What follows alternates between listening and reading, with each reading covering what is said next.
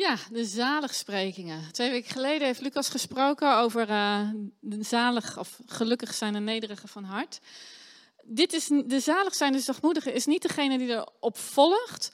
Maar in de planning werd het best wel ingewikkeld om het allemaal met de agenda's van iedereen op de juiste volgorde te krijgen. Dus ze worden een beetje geschud. Maar dat is ook oké. Ook, al ook al zit er ook wel ergens een volgorde in, um, licht ik vandaag deze eruit. Gelukkig zijn de zachtmoedigen, want zij zullen de aarde bezitten. De zaligsprekingen, zoals ze genoemd worden, wat is dat nou eigenlijk? En wat zegt dat nou eigenlijk precies? En dan misschien eerst het woord gelukkig. Lucas heeft dat laatst ook al benoemd. Daar staat het Griekse woord makarios. En dat betekent gelukkig te prijzen. Dus dat gaat iets verder dan geluk of je gelukkig voelen. En het is het tegenovergestelde van wee, wat we ook wel kennen in de Bijbel, wee degene die. Gelukkig te prijzen zijn degene die. Het betekent eigenlijk, hè, je bent gelukkig te prijzen als jou iets goeds ten deel valt. Hè, als jou iets goeds toekomt. Dus het betekent eigenlijk dat je de ontvanger bent van Gods gunst, Gods uh, zegen, Gods hel. Nou, zegen is misschien ook soms een beetje een, uh, een woord wat zo groot is. En wat is het nou precies?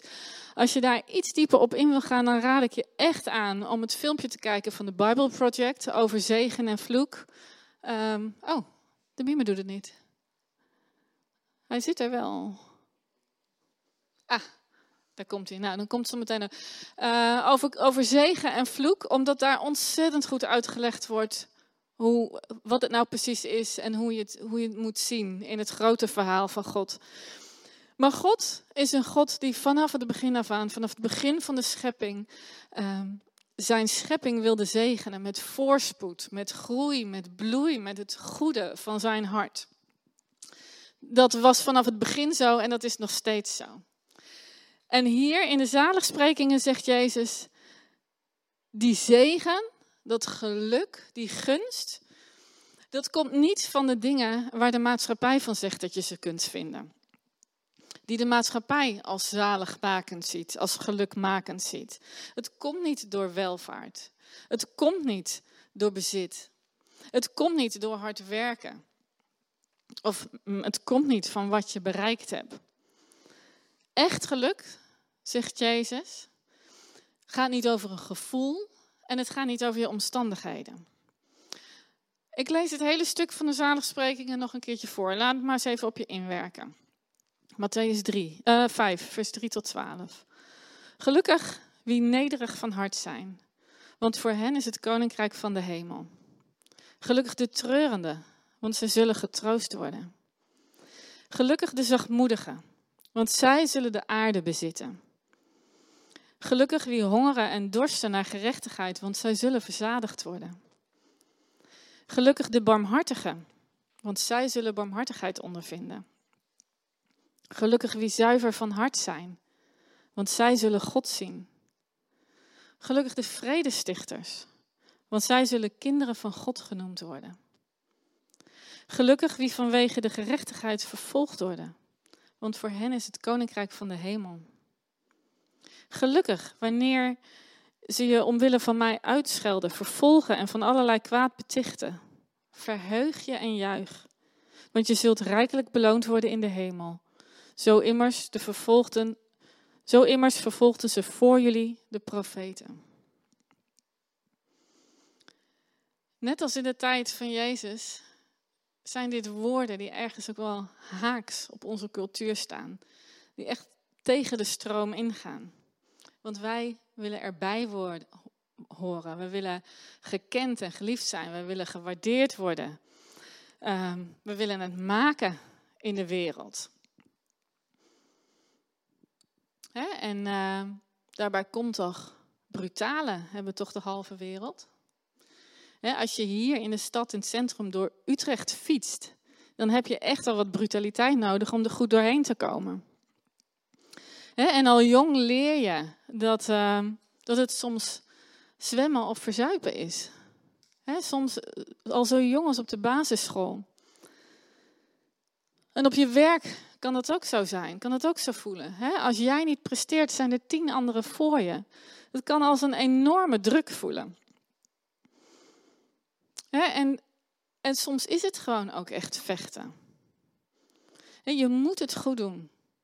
En je moet het goede doen.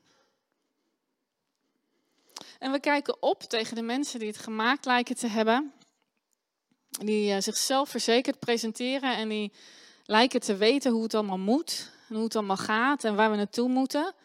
dat, vinden we, dat zien we in de wereld, dat zien we op social media, dat zien we ook in, in de kerk, in Gods lichaam.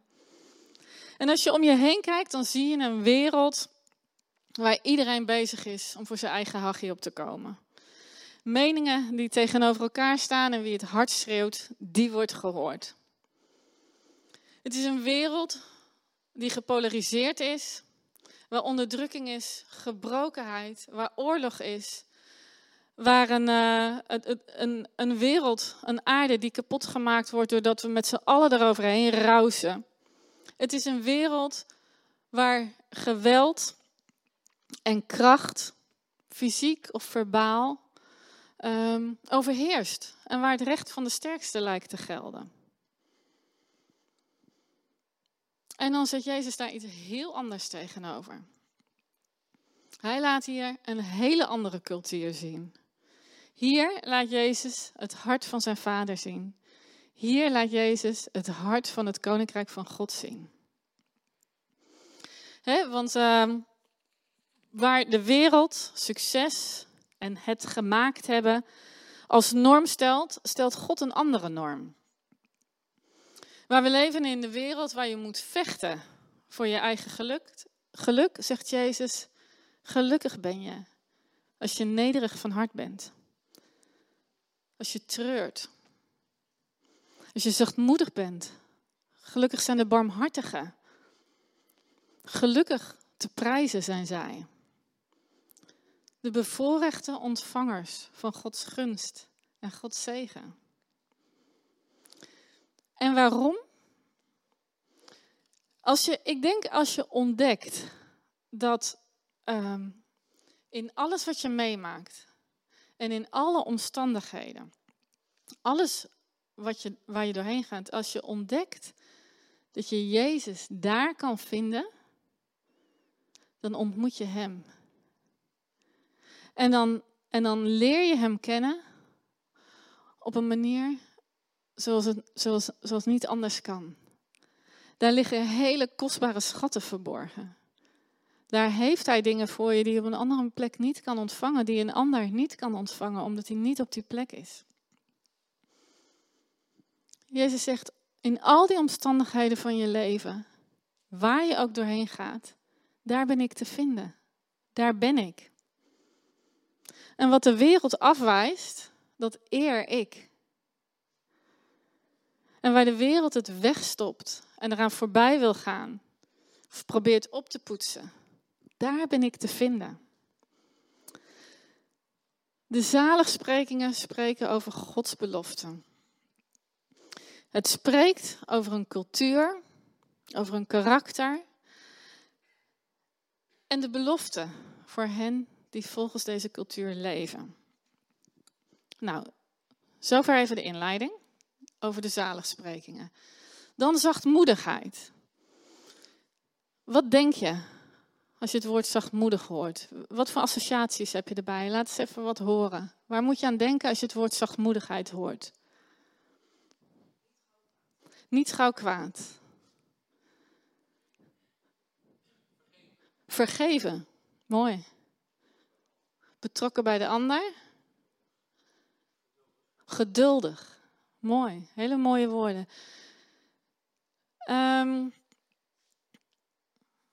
de het woord wat Jezus hier gebruikt voor zachtmoedigheid heeft eigenlijk drie betekenissen. Het betekent gecontroleerde kracht.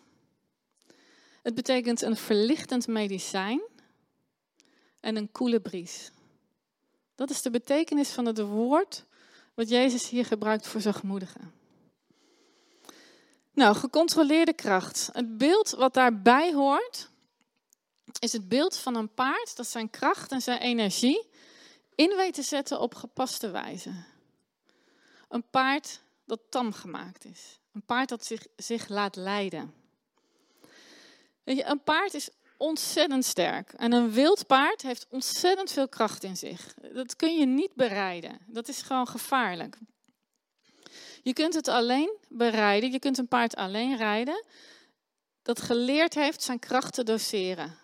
Je kan een paard alleen eh, rijden als het zich laat leiden.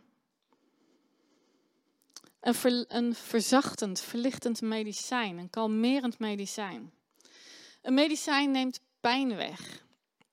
Het verlicht. En mijn vader die heeft de afgelopen maanden gekampt met een hernia. En hij had echt ontzettend veel pijn. Hij heeft een poos alleen maar op bed gelegen. En het duurde een poosje voordat hij het juiste medicijn had. En toen hij het juiste medicijn had en de pijn verlicht werd, zag je hem ontspannen. Zag je hem op adem komen. En zag je hem weer moed krijgen. Dat is wat een, wat een verlichtend, verzachtend, kalmerend medicijn kan doen. Nou, een zachte bries, een, een, uh, een, een koele wind. We kennen na deze hete zomers van de afgelopen jaren allemaal die hitte waarin je verlangt naar even wat verkoeling. Waar je als je een, even een koele bries voelt, dat je denkt, oh lekker. Of als ergens de airco aanstaat, dat je denkt van, oh, hier wil ik blijven.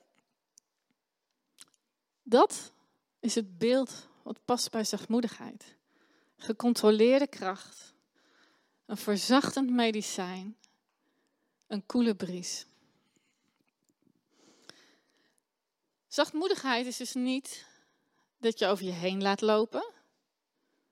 Het is niet ehm, dat je alles maar leidzaam ondergaat. Het is niet zwak.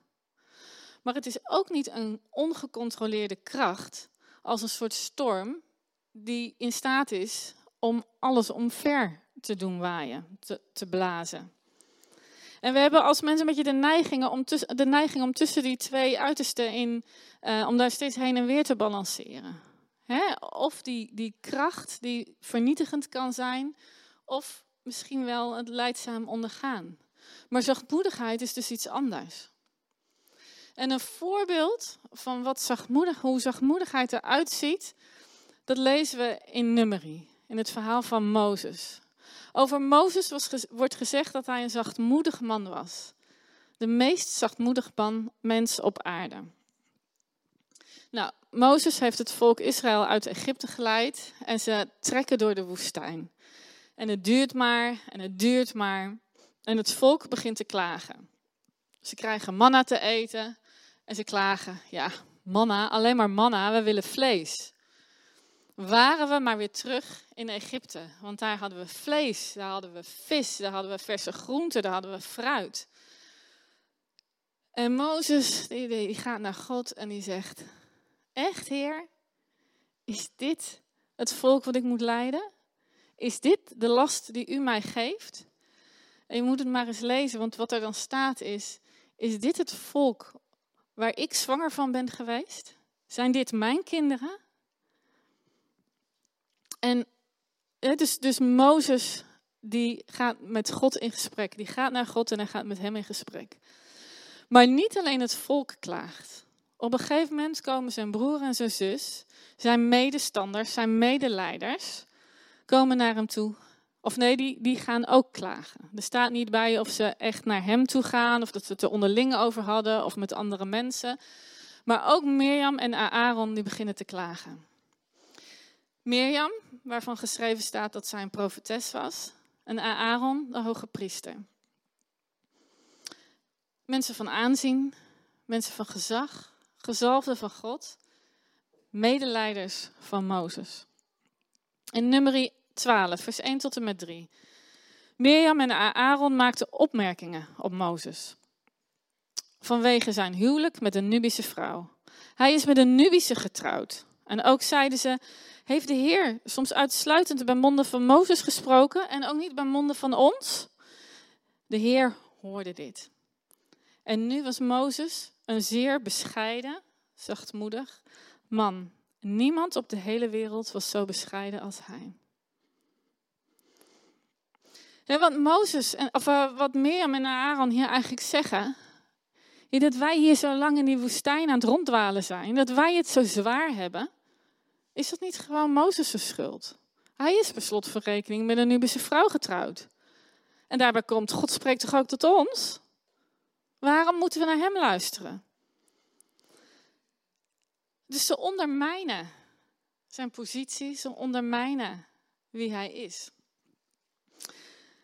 En Mozes, een zachtmoedig man, die ook niet voor deze opdracht gekozen heeft, vindt het super moeilijk met dit volk. En die probeert gewoon te doen wat God van hem vraagt. En hij wordt afgevallen door zijn broer en zijn zus. Nou, dat moet toch pijnlijk geweest zijn voor Mozes. Ik weet niet hoe jij zou reageren. Ik zou, uh, ik zou me wel echt verraden voelen. En ik zou ook wel een beetje denken, nou jongens, zoek het maar uit. Doen jullie het dan maar? En misschien zou ik ook nog wel op het punt komen dat ik denk van ja, die hele situatie, dat hele project met dat volk uit Egypte leiden naar het beloven land, is het niet gewoon één groot fiasco?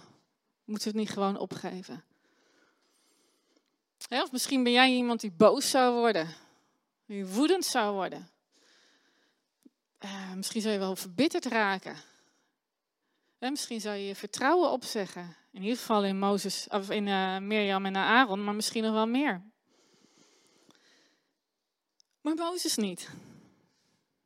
Mozes doet niks. En Mozes wacht. En hij wacht op God. En wat er dan gebeurt, is dat God voor Mozes opkomt. God spreekt Mirjam en Aaron aan. Zo gaan jullie niet met mijn dienstknecht om. Hoe durven jullie aanmerkingen op hem te hebben? En zodra God is uitgesproken, um, zit Mirjam uh, onder de witte schilfers. Slaat haar huid helemaal wit uit en heeft een huidaandoening. En dan zou je denken, ja, dat krijg je ervan. misschien voelde Mozes zich ook wel een beetje zo van, ja, nou ja, eigen schuld, dikke bult. Je verdiende loon nadat je mij zo afgevallen bent. Terecht dat jij nu met die huidziekte zit. Maar dat is niet wat Mozes doet. Hij gaat naar God en hij pleit voor haar. En hij zegt: Heer, reken ons onze dwaasheid niet aan. Hij betrekt zichzelf erbij. Hij maakt zichzelf een onderdeel ervan. Reken, reken ons onze dwaasheid niet af aan. En hij vraagt God haar te genezen. Mozes en, en Mirjam geneest. En Mozes die gaat naar God en hij vertrouwt God. Hij vertrouwt God en hij laat het hem oplossen. Hij doet een beroep op God en hij vertrouwt op de goedheid van God, ook als het gaat over Mirjam. Dat is zachtmoedigheid. Gecontroleerde kracht. Een verlichtend medicijn. Een zachte bries. Voor hemzelf, voor Mirjam en Aaron, maar eigenlijk voor het hele volk. Want dit had ook tot een enorme splitsing kunnen leiden in het volk. Dit had ontzettend uit de hand kunnen lopen. Hij wendt een mogelijke crisis af onder het volk. En dat vraagt innerlijke kracht. Zachtmoedige mensen zijn sterke mensen. Het tekent een levenshouding dat je vertrouwt dat, dat vroeg of laat God het recht zal doen zegenvieren. En er is moed voor nodig om een ander mild te benaderen. Om het recht niet in eigen hand te nemen. En niet in geldingsdrang te vervallen. En er staat niets voor niets in Psalm 27, vers 14. Wacht op de Heer. Wees dapper en vastberaden. Wacht op de Heer.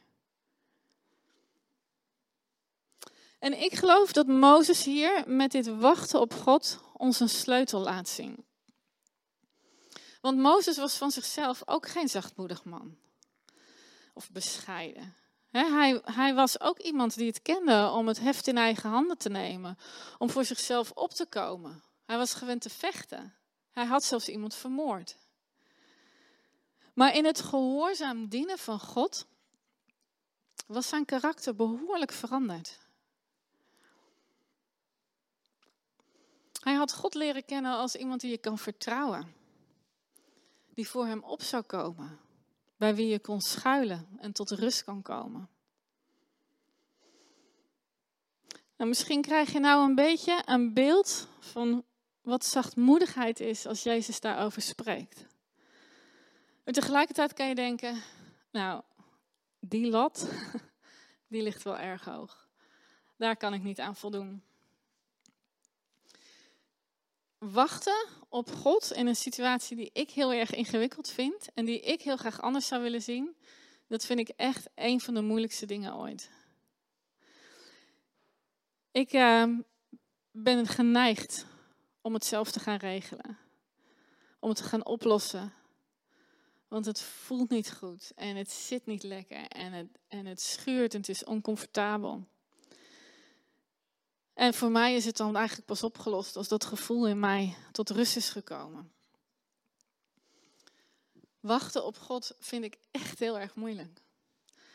En ik heb mezelf al vaak voorgenomen om meer zachtmoedig te zijn. En dat lukt me ook niet altijd even goed. Maar wat ik heb gemerkt is dat Jezus mij daar steeds opnieuw en opnieuw in wil ontmoeten. Lucas las de tekst, uh, haalde de tekst net ook al eventjes aan in Matthäus 11, vers 28 tot 30. Daar zegt Jezus het volgende. Kom alle bij mij, jullie die vermoeid en onder lasten gebukt gaan. Ik zal je rust geven. Neem mijn juk op je en leer van mij. Want ik ben zachtmoedig en nederig van hart. En dan zal je werkelijk rust vinden, want mijn juk is zacht en mijn last is licht. Jezus zegt hier van zichzelf: Ik ben nederig van hart en zachtmoedig. En hij nodigt ons uit om hem te volgen, om bij hem te komen en om van hem te leren. En in het gehoorzamen en in het volgen van Jezus zal Hij ons hart veranderen. En dat vraagt dus ook een volgen van Jezus, niet alleen maar met je verstand, maar met je hart. In Galaten 5, vers 22 staat dat zachtmoedigheid een vrucht is van de Heilige Geest. En dat is dus iets wat vanzelf groeit. Niet iets wat je kan bewerken, maar het ontstaat. En het is de Heilige Geest in ons die zachtmoedigheid doet groeien. Het is in de relatie met Jezus dat zachtmoedigheid kan groeien. Hij heeft het in Mozes laten groeien. Hij kan het in ons laten groeien. Dus als we even terugkijken. De zaligsprekingen van Jezus zijn eigenlijk, is eigenlijk waar hij zegt, zo ziet mijn koninkrijk eruit. Dit beschrijft mijn mensen, mijn volk, mijn kinderen, mijn kerk. En waar we ontdekken dat we God kunnen ontmoeten in alle omstandigheden van ons leven, dat Hij daar is en dat Hij daar voor ons wil zijn, daar ontstaat zachtmoedigheid. Daar ontdekken we zachtmoedigheid. Daar groeit zachtmoedigheid. En dan laten we onze kracht leiden door Jezus. Door Hem te volgen, door Hem te gehoorzamen. En dan zijn we als een verlichtend, verzachtend medicijn. En een koele bries. Voor elkaar, voor de mensen om ons heen en voor deze wereld. Want zachtmoedigheid komt pas tot uiting in relatie. Het wordt zichtbaar in de relatie met de ander. En de belofte die geschreven staat bij, het, bij zachtmoedigheid is dat, dat zij zullen de aarde bezitten. De aarde beërven staat er in oudere vertalingen. als je iets bezit, als je iets geërfd hebt, dan is het van jou. En daar mag, heb je daar dus zeggenschap over. Dan mag je daar vorm aan geven, dan mag je daar kleur en geur aan geven, dan mag je jouw stempel daarop drukken. Wij representeren Gods koninkrijk in deze wereld.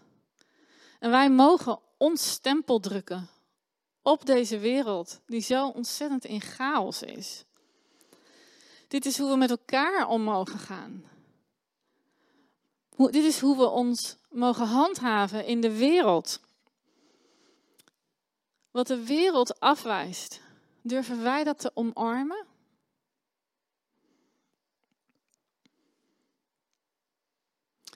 En wij mogen op die manier een veilige plek worden. Voor de mensen die zo ontzettend op zoek zijn naar rust, naar vrede, naar Gods gunst, naar zegen. Wij mogen die veilige plek zijn. Dat is waar God ons toe uitnodigt. Wanneer Jezus zegt: zalig, gelukkig zijn de zachtmoedigen, want zij zullen de aarde bezitten. En dat is eigenlijk waar ik mee wil afsluiten. Um, we zijn geroepen om in relatie met Jezus ons te laten vullen door Gods Heilige Geest. Om Hem te ontmoeten in alles wat we meemaken, zodat zachtmoedigheid kan groeien in ons. En wij een veilige plek kunnen zijn voor de mensen om ons heen, voor de mensen die rust zoeken voor de mensen die verlangen naar gezien en gekend en gezegend te worden. Ik wil jullie uitnodigen om te gaan staan. Dan gaan we bidden.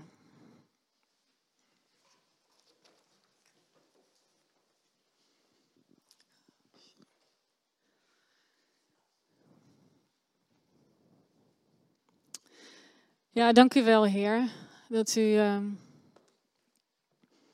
dat uw cultuur zo ontzettend anders is dan de cultuur van deze wereld.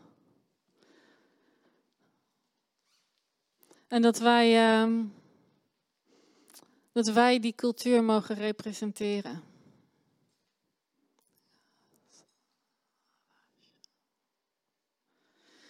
En ik bid u, kom Heilige Geest.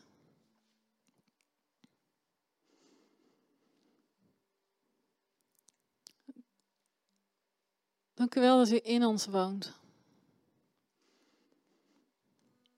En dat u ons ontmoet. Precies daar waar we zijn. We hoeven niks weg te stoppen, we hoeven niks mooier te maken. U ontmoet ons daar waar we zijn. En ik zegen jullie met de zachtmoedigheid.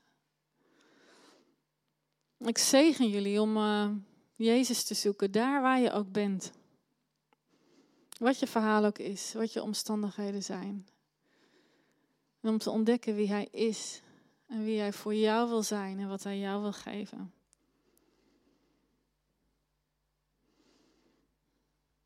Heer, ehm, vul ons met uw Heilige Geest. Leer ons om zachtmoedig met elkaar om te gaan. Leer ons om zachtmoedig om te gaan met de mensen om ons heen en om zo in de wereld te staan. Vul ons, Heilige Geest, om een veilige plek te zijn. Van uw rust en uw vrede in een wereld die in crisis is.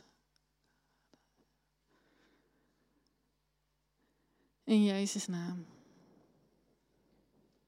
Amen.